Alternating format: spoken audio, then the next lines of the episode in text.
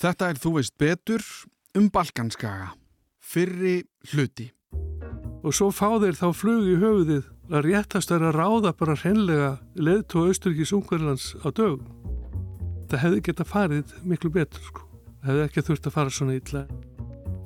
Hér stóð gafur og prinsip þegar hlifta skotinu. Til þess að skilja nútíðina er mikilvægt að þekkja fortíðina. Þessi setning hefur verið mér hugleikinn lengi en það finn ég hvernig ég verð meiri og meiri áhuga maður um sögu eftir því sem líður á æfina. Kanski er það partur af því að verða eldri, ég átta mig ekki almenlega á því en hvað sem því líður þá á þessi setning vel við varandi næstu tvo þætti af Þú veist betur. Það er nefnilega svæði í suðaustur Evrópu sem er einhverjum hlustundum kunnugt en öðrum ekki. Ég hef gert svo frægur að ferðast örlítið um þarna, þá helst í Albaníu sem ég fannst alveg stórkoslegt land. Ég hef samt alltaf haft það á tilfinningunni að ég veit ekki nægilega mikið um löndin á Balkanskaga, hvað hefur gengið þar á í gegnum tíðina og af hverju. Því fekk ég til mín sangallaðan sérfræðing til að leiða okkur í allan sannleika um málið og hafði ég sjálfur mjög gaman af því að hlusta. Ég vil líta á næstu þætti nánast sem sögustund, þar sem Jón Óskar Sólnes stjórnar ferðinni. En áðurum við byrjum á sögunni, heyrum við kynningu frá viðmælandanum sjálfum.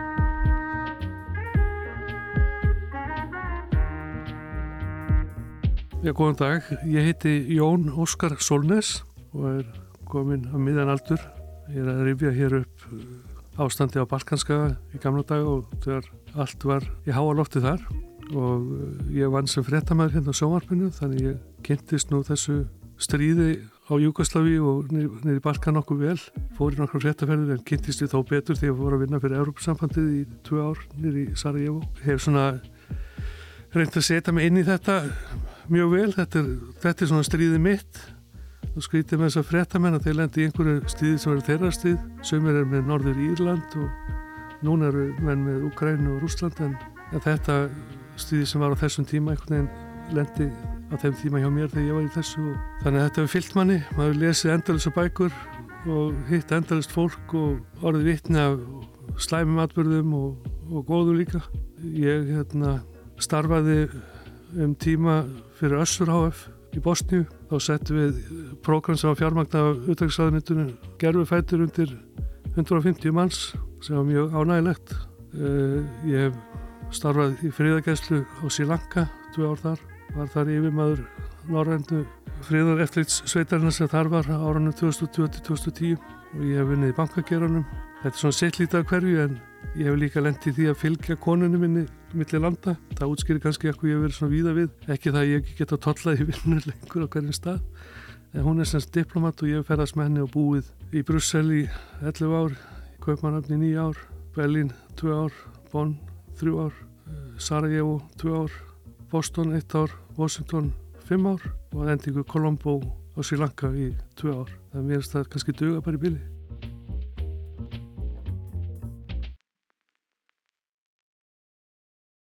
Þegar ég nýbyrjar í eldufréttum þá reynur eiginlega sósalismi eða kommunismi í austur hluta álfunar alveg misrætt, mismönd eftir ríkjum, sumstaður á nokkur átaka, sumstaður með svona smá átök. Við getum rifjað upp Póland, það geng mjög vel, ekki miklu blóði úthelt þar, nánast engu. Í baltinsku löndunum var það erfiðara, rúsandi reynda að halda löndunum nær sér lengur. Svo getum við farið í mjög mjög galendingu sem var Tjekk og Slóakia, það sem voru að vera tvö ríki sem voru sama, Tjekkar og Slóakar. Þeim tókst að kljúfa það land í tvent án nokkura átaka, en það var það kallið flauilspiltingin fyrir vikið.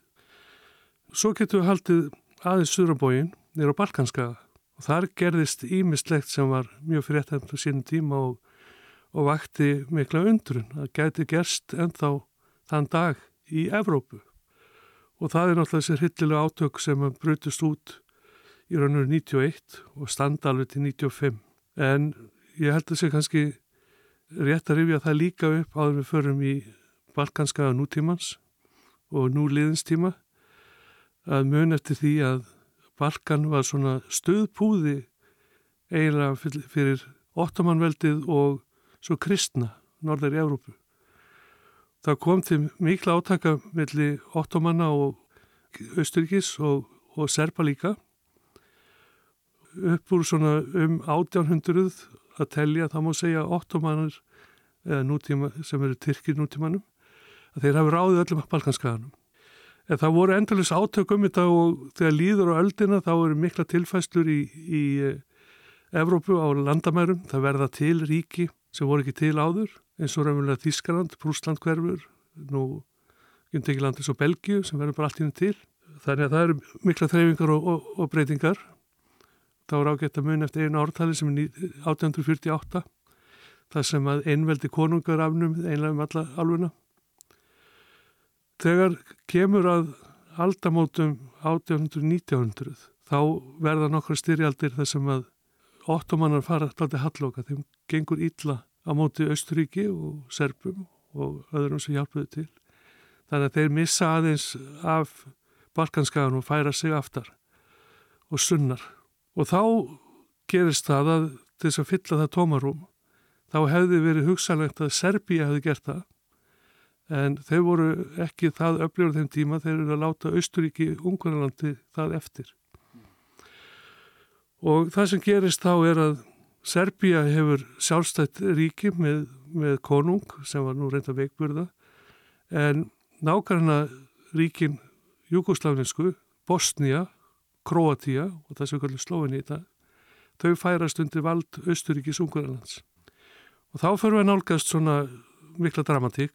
Það er það eru Balkanstyrjaldir 1912-1913 það sem að ottoman að verða að hörfa enn meira og uh, þá blossar upp þessi bosníska, serfneska þjóðurniskend. Þeir sættas ekki við að búa undir hæl Östuríkis Ungarilands á meðan að króatarnir áttu frekar auðvelt með það. Þeir voru katholikar og eru.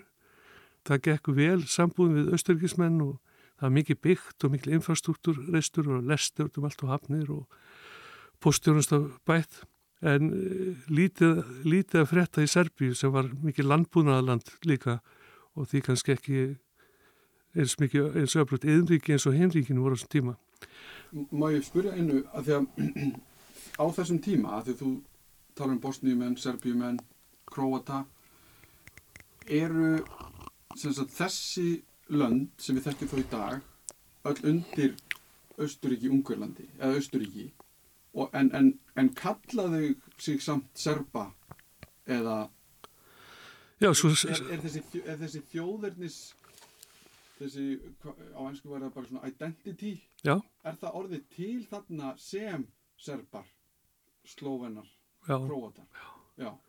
heldur betur um, og er það bara frá fyrri tíð þá? Já, Já. Það er mjög stert í, í serbunum þessi, þessi kend að vera, vera kallar og vera serbneskur mm -hmm. og þá er það tungumálið, menn tala serbnesku og í króatíu tala með króatísku en þetta er mjög lík mál það, það, það er nánast eins þess að voru til einföldinu að kalluð bara samilega serb og króatíska mm en leikillin hér kannski í mununum á grótum og serpum er sá að, að grótanir eru katholikar og hinn eru orthodox já. Já. Og var það þá þannig að, að því við erum búin að tala um ottoman að þessi lönd voru fyrir ottoman tóku þau yfir og síðan kemur stríð þar sem að Östuríki og Ungarland eru að íta þeim aftur tilbaka nákvæmlega. Já. og í raun taka þá yfir bara þau landsvæði sem ottoman reðu yfir. Já. Þannig að þau eru einhvers konar peð nánast í þessum leik. Já, þessi leikur er aðeins stærri en, en kannski við minnst á hana sjálft að, að, að rifjaði pér að að Balkanska eru fleiri lönd en, en þau sem mynduð Júkoslavíu mm. þannig að þarna er Gríkland og Bulgaria og Albanía og þetta er líka lönd sem færðust til og frá undir áhrif Óttamann eða undir áhrif annara ja, ja. Serbarnir er svo sérstakir á margalund rækta sína þjóðinniskend mjög stert að þeir minnast ósigur sem, sem uh, stæsti dagun í sögu þeirra. Það var einhver tíman ja, 1586 er það reyndar ef ég mann rétt að þá tapa þeir mjög mikill orustu við ottoman veldið sem þá færi sem mjög norðarlega og yfir Savána og áttað Vínaborg sátum Vínaborg en náðu ekki að taka hana. Og síðan hörfa þeir eru 200 ár að taka svona hænuskref tilbaka og uh, þessar þjóðir er nú flesta kristnar en það sem að ottomanveldi var á ferðinu það var líka í Norður Afríku og, Spáni kannski líka þegar márar voru þar að það var notað allski svona bytlingar til að fá heimamenn til að snúa sér að réttir trú, að muslimatrú og þetta var sérstaklega ábyrgandi í Bosníu þar sem að voru margir sem tóku upp muslimska trú gegn því að borga lagri skatta og, og njóta ákveðnum fríðinda Þannig að leifatar á ottomanveldinu sjást best í Bosníu, það sem eru moskur og mínarettur út um all land og það sem að múslimska þjóðabróti sem er að stæsta í Bosníu er en þá Íslams trúað og hefur verið í, í fleiri hundur ár.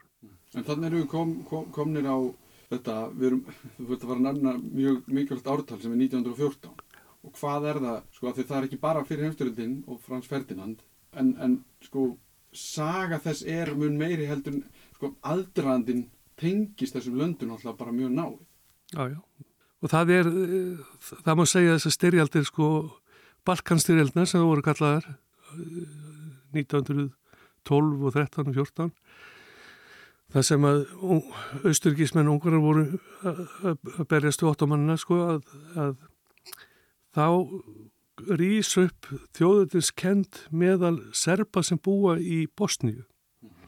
Og það hafa verið serpar sem hafa búið í Bosníu um aldir og þeir urðu róttækir, sérstaklega ungir bosníuserpar á þessum tíma og vildu fá sitt, vildu fá að, að innlimast í konungsíki Serbi, Stórserbíu og um, Gavrilo Princip var ungur eldhugi sem var alin upp í Bosníu en serfneskur mm. og orðhaldagstrúar.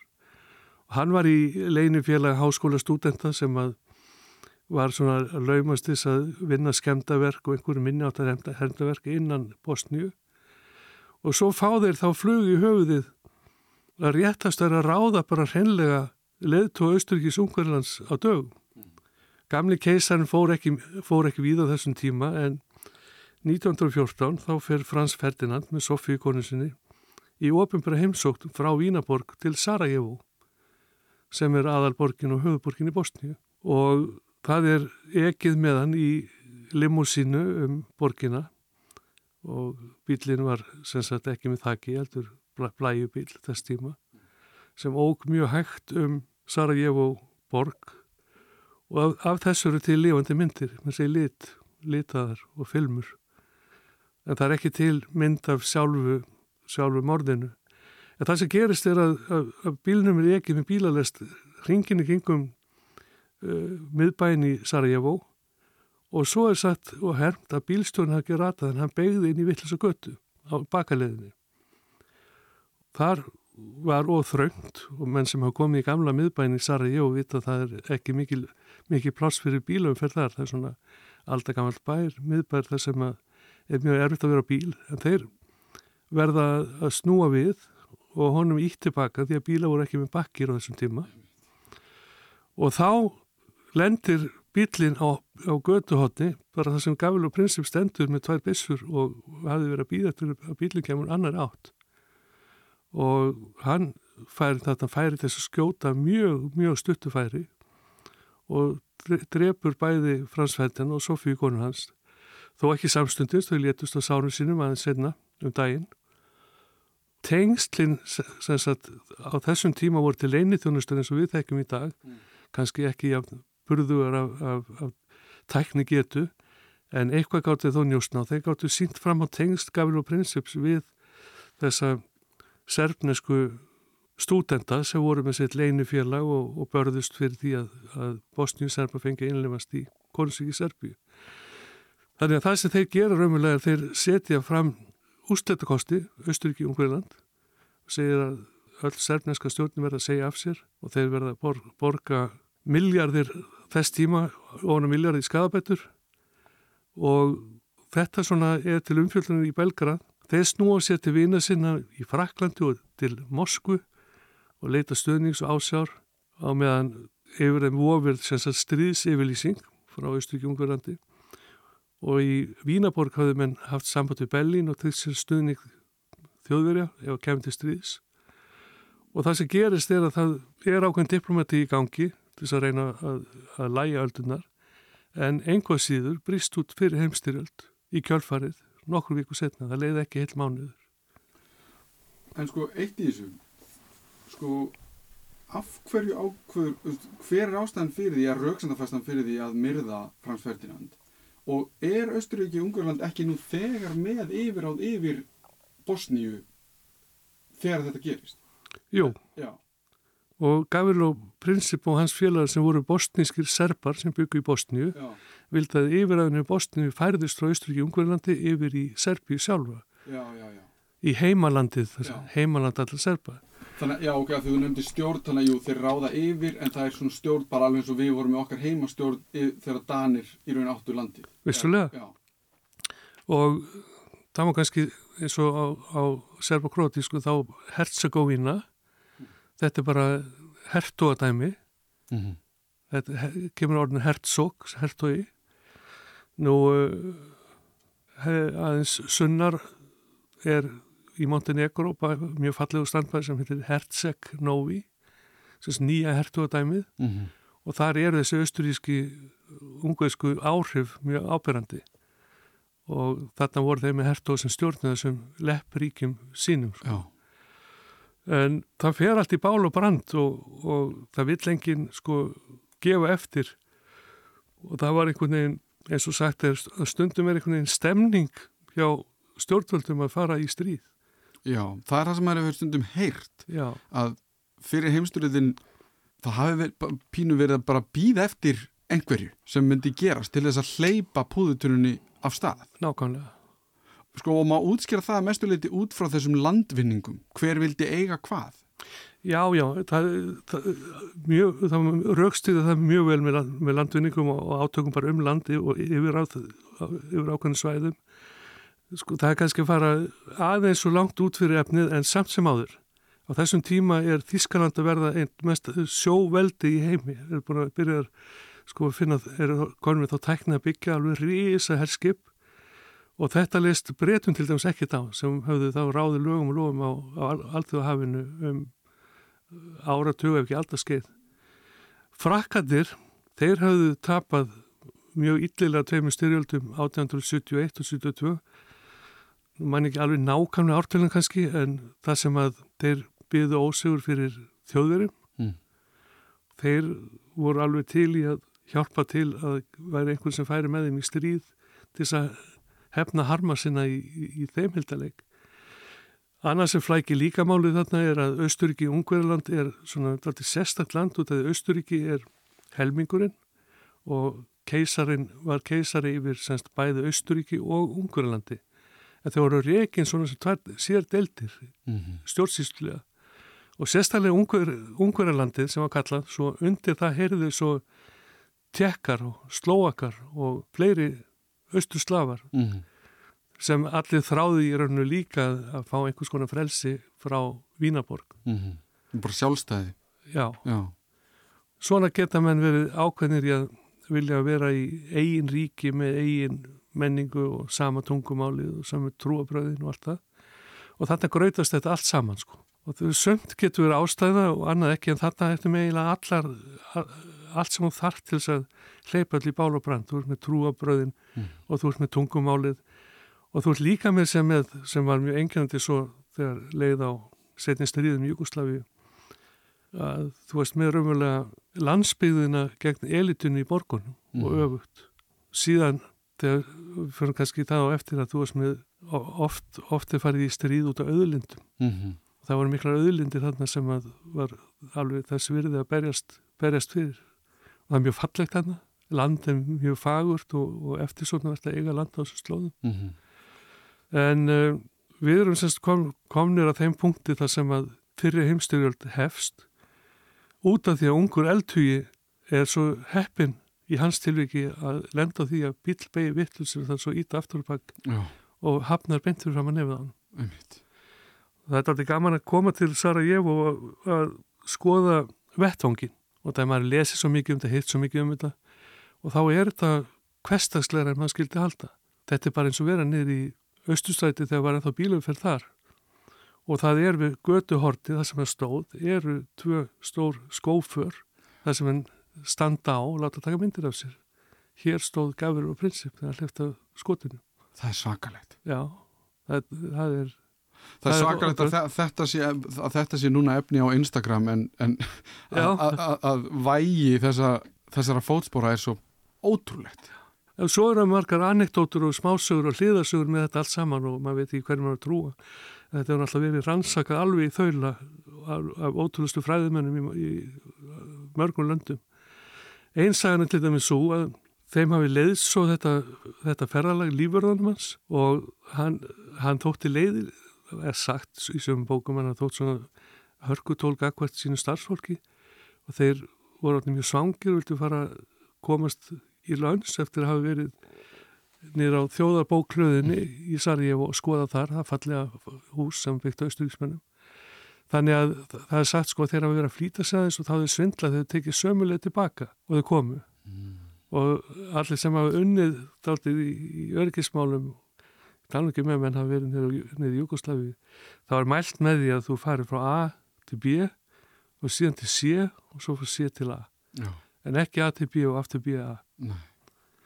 Það, það, er ekki, það er ekki góð latína í örgismálum Nú er auðvitað skrítið að segja ok, fyrir heimstyrjöldin gerist og hvað svo en af því að við erum ekki að tala um fyrir heimstyrjöldina hvernig komumst við í gegnum fyrir heimstyrjöldina í sambandi við þessi ríki án þess að fara kannski í sko, fyrir heimstyrjöldina bara heilt yfir Já, það er hægt að einfalt þetta mjög og, og, og þá er þetta náttúrulega teiknum til svarkvita mynd og, og það er misfundi skoðanir meðal misfundi þjóða hvernig það leti út.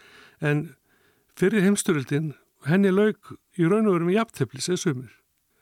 Það varði engin framgangur á víuöllunum, það var miljóna fall hermana í Verdun, í Fraklandi, í Belgiu, í Ípr, það sem var notað eiturgas og og þjóðverðnir, þeir heldur sínu striki allatíð, þeir töpuðu engu landi og það komst engin neitt í raun og veru Nei.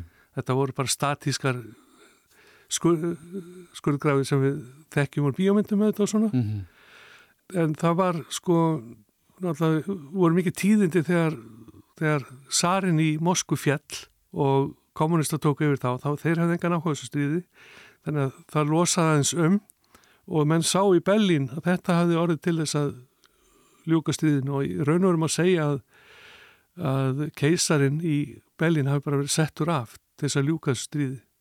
Og af hverju var það svona mikilvægt? Já, það var alltaf mikilvægt út af því að þeir gáist upp þjóðverðnir skömmu setna. Það hefur líka rætt náttúrulega mjög mikið og rannsakaði þaula hvað var í bóði fyrir þá og, og hvernig framaldi varð. Mm -hmm. Og það sem gerðist í raun og veru var það að það var tekið mikið sko að sérstaklega frækkur og breytar er sagt, það var langt síðan, að það var tekið að um stort landsvæði, Rínarlöndin, frakkarnir fengu lönd sem þeir hafðu tapað fyrir Bismarck á sínu tíma, þannig að það var vegið mjög að Þískalandi og Þískalandi var gert að borga óhemmi háa stuðskadabætur með en áratug í tíman í Vessalasamningunum mm -hmm. allræmdu og það fór ennþá verð fyrir Östriki Ungverðlandi ef maður lítur á þannig því að það liðaðist bara sundur. Já. Þeir mistu ung, ungverðarna frá sér og, og tjekkana og aðra og það sem kannski var mest svekkjandi fyrir þá var að þeir mistu aðganga miðurhafinu. Þeir mistu hafnindan sína því að Ítaldin bætti þessu landi og slóðinni líka þannig að þeir mættust í Triest og, og, og fyrir botni Adri hafsins. Mm. Síðan voru þá austurík sem er landlugtir eftir það. Sem var náttúrulega þú veist, er náttúrulega ennþá mikilvægt í dag en á þeim tíma, eins og þú nefndir þjóðverðar voru byggja upp sinnskipaflóta breytar voru með sinnskipaflóta þú veist, þetta var nánast hver réð, hver réð var sá sem var með sem bestan skipaflóta Já, já, þetta var náttúrulega skipti sköpum og við vitum það bara með þegar Amerikurnar finnast og siglingarleðir austunum, kvipin og kvapin og hvað það var mikil ábata á þessu sko og, og eruðu þarna til ríki í ríkinu Östur-India félag svona hitt og þetta mm -hmm. en ég verð bara að slá það margnagla að þegar ég tala svona um Þískland og Östuríkja þau hafa tapast í þennan svolítið, þá er það þessi grófa, grófkortnaða svarkvita mynd sem við höfum mm -hmm. af þessu og það má finna varja sjónir af þessu en, en það sem kannski bara til stitt okkur leið er að eftir fyrir heimstöröld þá eru serbarnir í góðri stöðu og þeir voru meðal þeirra sem siguruði í stríðinu mm og þeir geta bætt við sér landi og, og, og stækkað og gert tilkalti þess sem þeir gerðu að vera svona móðurland, svona föðurland allra slafa. Mm -hmm. Hvort sem það voru slóinar eða krótar eða serpar, þeir svona buðu upp á það, hér getur öll verið í konsikinn Serbíu. Síðan nokkrum áru setna þá, þá fellur eiginlega konungstæmið og tilverður tilverðar reyfingar sem að er að berjast innbyrðis í síðari heimstjóruld sem við þekkjum sem sagt þá 20 árum setna að þar berjast raunverulega króatar og tjetnikar sem eru þá sem sagt vopnasveitir króata og vopnasveitir eh, serba og eftir þá styrjöld, setni heimstjóruld þá fyrst verður til landið Júkoslavia eða, mm -hmm. eða land söður Slava og Júgoslavia, bara svona til að vera með alveg, það alveg hreinu frá byrjun Júgoslavia eru hvaða lönd? Já, þá erum við í norðri erum byrjun þar mm. Eh, við skulum byrja á Serbíu, það er náttúrulega aða landið Já. Með höfuborgina Belgrad sem hefur höfð, höfuborgin saminas eh, saminar Júgoslavíu. Uppi í norðri eru slóinar og síðan króatar með alla sína fallegu strandlengju söður úr. Mm. Þar við endan standenginu byrjar Montenegro Svartfjallaland Svartfjallaland. Inn í landi ertu með Bosníu sem er fjöldþjóðaland og síðan ertu með Makedóniu sem er núna hittir Norður Makedóniu Það kom inn í Jugosláfi og síðan voru tvö sjálfstjórnar héruð og annað hétt Vojvodína þar mjög stór ungveskur minniluti mm. og svo var aldrei spitbein það er það sem við kallum Kosovo Já. það er bara annar ángið því að, að, að serb, serbnesku stjórnvöld í Belgrad eiga í raunverulega átökum við albansk jugoslavnisk stjórnvöld í Pristina í Kosovo mm. og það sem að þeir rísu upp og svo það var mjög illa að fara með það og svelti peningalega og, og vildi bara fá að halda sinni albansku tungu og og það var til stríð úr, úr því það sem að Kosovo fór undan Serbíu og í dag er Kosovo sjálfstættiríki við kenta flestum löndum saminu þjóðana en ekki, ekki öllum. Og, og inn í þessu líka Albania er það ekki? Albania kemur ekki þannig nema sem leinilegu stuðningsaðili við Albania upp í Kosovo. Ok, þannig Albania er ekki partur af Júkoslavi? Nei. Já, ymmitt. En Júkoslavi verður til hvernig? og þá meina ég, ok, þú með Serbíu Já. sem er kannski, ef að segja þungamiðjan er það einhver þar sem ákveður, herðu öll þessi lönd er undir sama hatt Já, það, það var að segja sko það hefur bara komið upp politísk reyfing í þá veru Já. Og við getum kannski kannski fullangengi samt sem áður eins og ESB hvernig var ESB til, akkur mm. var til sex lönd sem að ákveðuð að þeim var betur borgið í samvinnu sem hétt á stál- og kólabandalæð. Akkur gerður það þá bara hugsaðum enn sér við erum svo lík og, og við getum grætt en það meira á þessu og við getum lært okkur um öðrum og mm -hmm. skiptir ekki mál þó sem er tungumál, það getum við að geta lært að. Þannig það er svona stemning fyrir því og, og, og svo er svona sniður lausnir sko, til dæmis að í, í Jugosláfi verður fósittin Jósef Tito og hann var króti. Þannig hann er yfir öllu batterinu og hann var hálfur króti, hálfur slóinni mm. þannig að þessi þrjú ríki, þrjú ríki koma saman og svo takaðu sko upp arma sína í raunveru Bosníu sem er alveg bláfátækt land í raunveru á þeim tíma mm -hmm.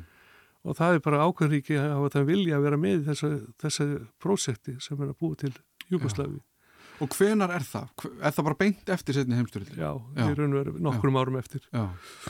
Og hérna, það má segja sko, eh, þú spurðir um Albaníu og þá getum við sagt að Albaníu tala allt annað túkumálinn hinn á skaganum. Það er mjög ólíkt sko þannig að það einhvern veginn passar ekki inn að meðan hinn er talallir afbreyði af serb og skilja hverja aðra.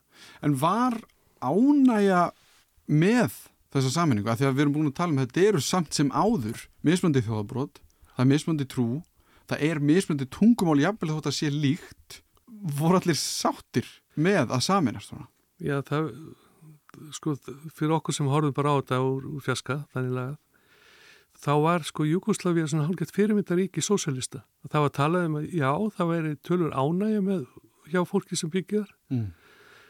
Var alltaf mismöndi veruleikar sko uh, eins og króatarnir, þeir byggðu allan sinn efnahægir en veru á ferðarþjónustu og sköffuðu gældirinn sko. Mm -hmm. Slóinarnir eh, eru svona bara fyrirmyndar alparíki með allskins yðgreinar og, og efnahag og, og allt það og líka líka mjög sterkir ferðarþjónustu. Serb, Serbia er svona meira og var þeim tíma svona landbúnaðland, mm -hmm. mikil nautgripa og, og, og grísarækt, þessi dýr seld sko, norðurbóin og svo er Montenegro til dæmis sem er mjög fjallend, það er eiginlega ekkert lálendi, undirlendi þar, fyrir þá hendaði ágætlega að vera með í, með í þessu. Já, en það er líka frekar lítið land. Já, svona miða við já, það já. er mjög, mjög lítið. Já. Það sem var svona talaðum var að, að Júkosláfia væri svona aldrei stolt sósalista í heiminum. Og ég veit, veit ekki hvort þú mannst eftir í en á áttund áratögnum og þar og undan þá var sko allþjóðuvísu var mjög ábyrndir heifing sem var þriðja það var kallað sko hópur hlutlösa ríkja. Og það var ríki sem voru ekki annarkort með bandaríkunum eða kapitalistunum og ekki með uh, sovjetmennunum og austrinu mm -hmm. heldur voru þetta málsmetandi ríki sem sögist að við farið þriðju leiðina og þar var Júkoslavia í algjörum farabróti ásamt ja. Indlandi og kannski Kenya og svona nokkur öflugum löndum og Júkoslavatir sko voru líka mjög áberandi í, í hérna, öllum íþróttamótum sko, það er allir mér seitt sem að maður tók vel eftir, eða ekki tók vel eftir að þetta er kannski aðeins undan minni tíð en, en að maður horfir á sögubækur íþróttana Já. þá eru Júgoslavar alveg í fremsturöð Já. Og sérstaklega frægir fyrir meðfyrir bóltum þeir voru náttúrulega hvað eftir annað heimsmeistari handbólta og þeir voru mjög góður í korubólta og þeir voru á öllum HM mótum í, í, í fókbólta líka mm -hmm. og voru, voru mjög sterkir þar En eru þetta mjög stórt svæði sem er komið undir hann sama hatt. Já, já, þetta er svona á borðu Frakland, ég vil aðeins stæra. Sko. Já, ok, þetta er, já, emitt. Og þá greinlega, þú veist, freka fjölmennt eða hvað? Nei, nei, það var ekki fjölmennið sem var neitt vandið þeirra. Sko, það geta að tala um að krótandi séu svona 5 miljónir, það er bara svo Danmörk. Mm -hmm. Þeir eru eitthvað góðir fókbort og handbort og líka. Jú, jú. En Serbarnir er svona 7-8, eitthvað nýju eins og svíjar kannski Já. og slóinar er nú ekki nefnum 2 miljónir og í Bosni búa svona umþabil 3 miljónir sem er ekki alveg með að reyna og þetta eru fáminn ríki í raun og veru í sálu sér sko.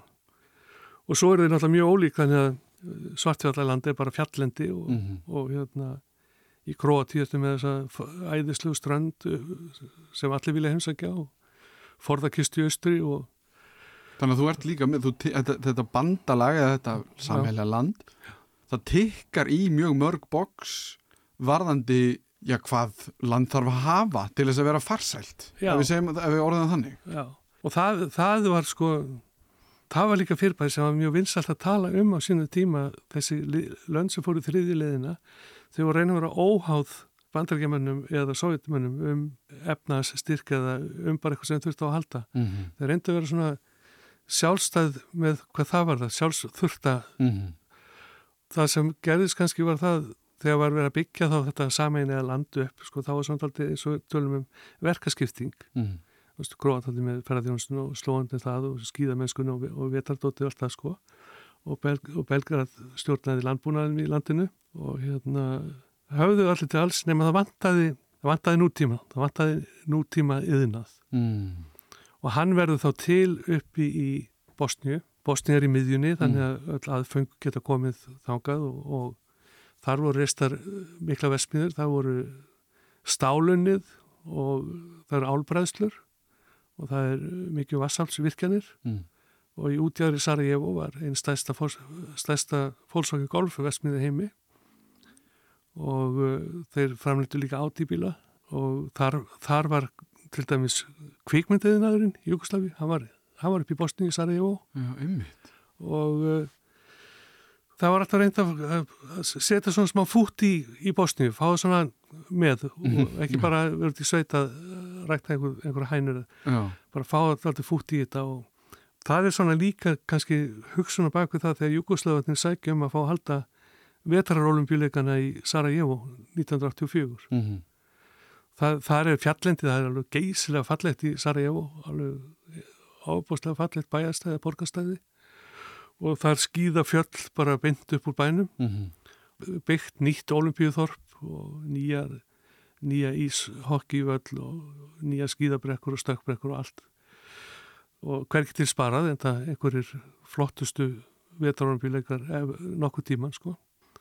Og það er alveg skrítið að hugsa til þess svona eftir að hykja að þetta var allt sett í að keira upp efnæðin og gera þetta flott og sína við vináttu og þetta er 1984 og svo tveimur árum setna, er 1986, er komið til valda sko stækur þjóðurninsinni í Belgrad sem vil eitthvað sam, samninga við, eða eitthvað samkend heldur við bara að það sé kert áfram að serbarnir stjórni og ráði ferðinni í þessu landi og það er bara tveimur árum setna sko Og hver er það?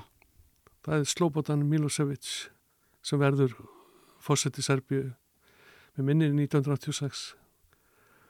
Þú veist, þetta, þetta nafn Já. er náttúrulega, það vekur svona pínu, það, það nánast stuðarmann að heyra þetta nafn. Mætti þá segja að, hvað ættu að segja, gullöld Júkoslavíu sé frá hérum bil rétt svo eftir setni heimstyrjöld fram til 1986 eða hérum bil Já. Já. að því að hvað er það sko og nú veit maður ekki alveg hvernig maður orða þetta en ef að það hefur gengið svona vel Já. Með þetta sósílska ríki sem er ekki með vandaríkjumönnum eða með sovjetmönnum þannig að það er einhvern veginn að skapa sína eigin leið. Þetta samband virðist hafa allt til alls til þess að bara vera sjálfbær hópur eða þjóðir landsvæði, er það bara og ég veit ekki hvernig þú veist, við erum búin að fá Hitler. Þú veist, setni heimstyrjöldin er búin. Já. þannig að mér líður þegar maður horfður á þetta svona tilbaka herri, það er einn rugglundallur búin að reyna eitthvað svona þjóðverðnis við ráðum svona verður þetta að vera þú veist, er það bara einmitt eins og þú segir þjóðverðniskendin í honum sem gerir það verkum að hann segir við erum bestir og þá verðum við að ráða öllu Já, þá má segja sko það, þetta sé svona alltaf stemningin á þessum tíma og það, það sko, kommunismin er komin að fallandi fætur. Gorbachev er að hvetja til líðræðisvæðingar í allra östublokkinni segir reyndar að hann vil ekki sjá NATO koma nær sér en Þísku Þískans östu-Þísku landamærin mm. en Váslav Havel er í, er í Tjekklandi sko þetta er alltaf skrítið þetta svo háð personustundum mm -hmm. hvernig heldur sko væri í Kremli ef Putin væri ekki til væri ekki mm -hmm. góðu möguleik að það væri allavega ekki verða þar ástandi núna sko mér finnst það, jú að það, það er allavega litla líkur á því að, einmitt, að það væri verra Já. en það er í dag en, en þar erum við einmitt með kannski þennan egocentriska að þér bara einvald Já. sem að mér finnst Slobodan Milosevic hljóma eins og Já. og hvað byrjar hann á því að gera sem, að gera, sem, sem er kannski þá byrjunin á bara, ég veit ekki hvernig ég orða það, það bara þessu stríði hann byrjar umverulega þar sem leikun er kannski einfaldastu fyrir hann, hann byrjar í Kosovo mm. og í Kosovo verður allt vittlust menn sættast ekki við það að þurfa að læra serfninsku sem fyrsta tungumál heldur vilja að læra albansku til þessu fyrsta tungumál og serfninsku sem annar tungumál mm -hmm. þannig að, að þar var frækt að þar var sko tvöfalt kerfi, það var semst þjóðfélag sem var nafnum til rekið frá Belgrad og svo var annað sem var bara rekið heima mm -hmm. Það, er, það er margt sem getur spilað inn í ég, til dæmis mann bent á það 1984 1983 þá fellur Tito frá mm -hmm kroatíski slóvenin sem hafði stjórnað þessu listavél politist í, í 40 ár sko. mm. og það er mikið áfall fyrir, fyrir allt, allt alla Jugoslæfi mm. það var sirður mjög það var mjög flinkur að, að líma þetta saman og hann skilur eftir sitt aldrei tómarum sko. það hafi verið tekið duglega á þjóðutinsinnum undir hans stjórn líka sko og það voru þjóðurinn sinnað í Belgrad og það voru miklu þjóðurinn sinnað í Sakarp, Grótar, mm -hmm. mikil óskup þeir vildu helst líta sig frá þessu leið og bara við öflum allra gældiristektan hér í þessu já, landi já. Og, og, og, og það allt saman og þeim var nú stungið inn okkurum leðtói Gróta á þessum tíma er Franjo Tutsman hersöðingi fyrirvandi og hann hafði setið inni fyrir að vera viðra stækar þjóðnins skoðanir. Já þannig að það er samt undir niður í einhver staðar líka. Já, og svo er svona ímest tákn sko, eins og að hversu mikla áherslu serbarnir og bostjúnserbarnir, sérstæðilega bostjúnserbar og líka serbar inn í Kosovo hafa lagt á að hafa kirkjurnar og klöstin sem flottust þau blasa við á svona hæðum og það er svona glæsi, glæsi menning serbnisk Krótið til dæmis þeir flagga sínu gamla fána symbóli sem er skákborðið mm -hmm. getur kallað það, það er okkur sem sér að fólkbóltabúningum hjá þeim og þetta er á þökum og kirkjum og þetta er mjög víða mm -hmm. þetta var til dæmis lamið niður sko á sínum tíma í Jugosláfi undir stjórn Títós því að mann vildi ekki að vera verið að egna menn til einhverja átæk og leðinda út af einhverjum þjóðutins symbólum sem var hafði í heðri sko. mm -hmm. en, en sko króatar í dagur er svakalega hrypnir af skákbórið þeirra. Það er svona identitet hjá þeim. Og þetta er alltaf mjög samt meðal þjóð eins og vitum sem að þjóður er mjög duglegar að flagga og aðra ekki og gróðaldur serpa flagga alveg vilt og galið. En ég ætla að nefna í þessu eina anekdóti hér ef ég má. Mm -hmm. Að þegar ég var að vinna í sportinu hérna í, í sjónvarpinu þá fór ég að lísti úrslutaleg í Európa-keppnum mestræðilega eins og hérna á sínum tíma og það var leiku sem frá fór í Bari á Ítalju og til ústildarleiku Olympique Marseille og Rauðastjórnand Belgrad. Mm -hmm. Svo rétt á leikun hefst, þá er rúla út svona fána, svona risafána sem hilur alla og það er hérna, gamli konungsríkisfánin Serbíu, þá er hann með jugoslavisku litónum en ekki stjórnunni sem Jugoslavi var, heldur með tvíhauða örnin sem sagt. Mm það er sem sagt bara þjóðurinn symból sem, sem vakti bara óhug annara í, í Jugosláfi sko. og menn voru að klóra sér í höfðinu út af því að þó íþórtafrættamenn getur alveg verið vel með á nótunum þá hafðu fæstir það séð þetta aftur og skildi ekki alveg hvað var ferðin hérna mm. en Rauðastættu Belgrað var náttúrulega stolt serbana mm -hmm. rétt eins og hætug splitt og stolt grótana mm -hmm. og rétt eins og fótbolltalið út í heimi eru stolt og jáfnvel á Íslandi er þannig að, að menn eru annarkort púlarar eða United menn og eitthvað slúðis þannig að þetta var svona daldi magnað að sjá þetta sko. Já, og e, já, einmitt þetta, þetta er, ekki Júgoslæfi, þetta er Serbneslið Já, já.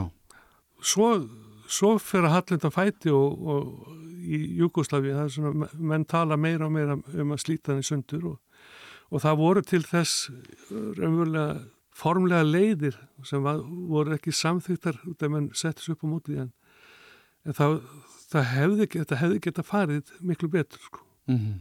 Það hefði ekki þurft að fara svona ítla en, en það er þetta einhverjum 90 sko þegar slóanettir segja við, við nennum ekki þessum yfirgangi sem Milosevic hafum ekkert með hann að gera það við ætlum bara að lýsa við sjálfstæði. Og þá fer Jugosláfinski herin inn í slóinni er í tíu daga nær engum árangu, bakka bara út aftur og þeir gleima slóinni, þá slóinni sloppin. Og það var alltaf mjög einfalt mál því að slóinni voru svo homogen, þeir voru bara all, allir slóinni það voru engi lítið þjóðabróti en eitt solis á þeim. Og þeir er langt líka, langt í burtu frá Belga mm -hmm. Að meðan svo þegar Kroatandi fara sömu leið sko, þá, þá brist út stríð millir Kroatíu og sambandsríkisins Jugosláfi les serfnarska serfneska stjórnvalda sem stjórnuði hernum þar. Mm -hmm.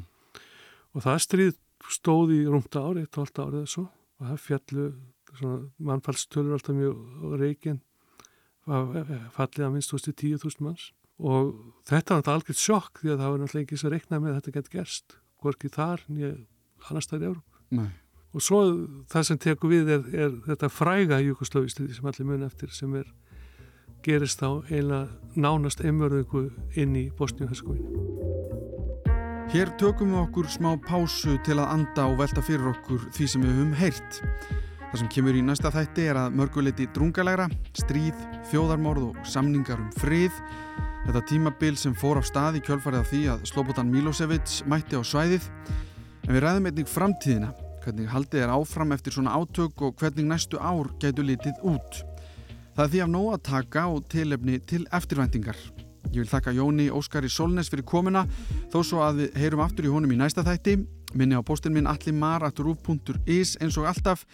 Ég heiti Allim á Steinarsson og þakka svo fyrir mig og ykkur fyrir að hlusta. Þetta var þú veist betur um Balkanskaga.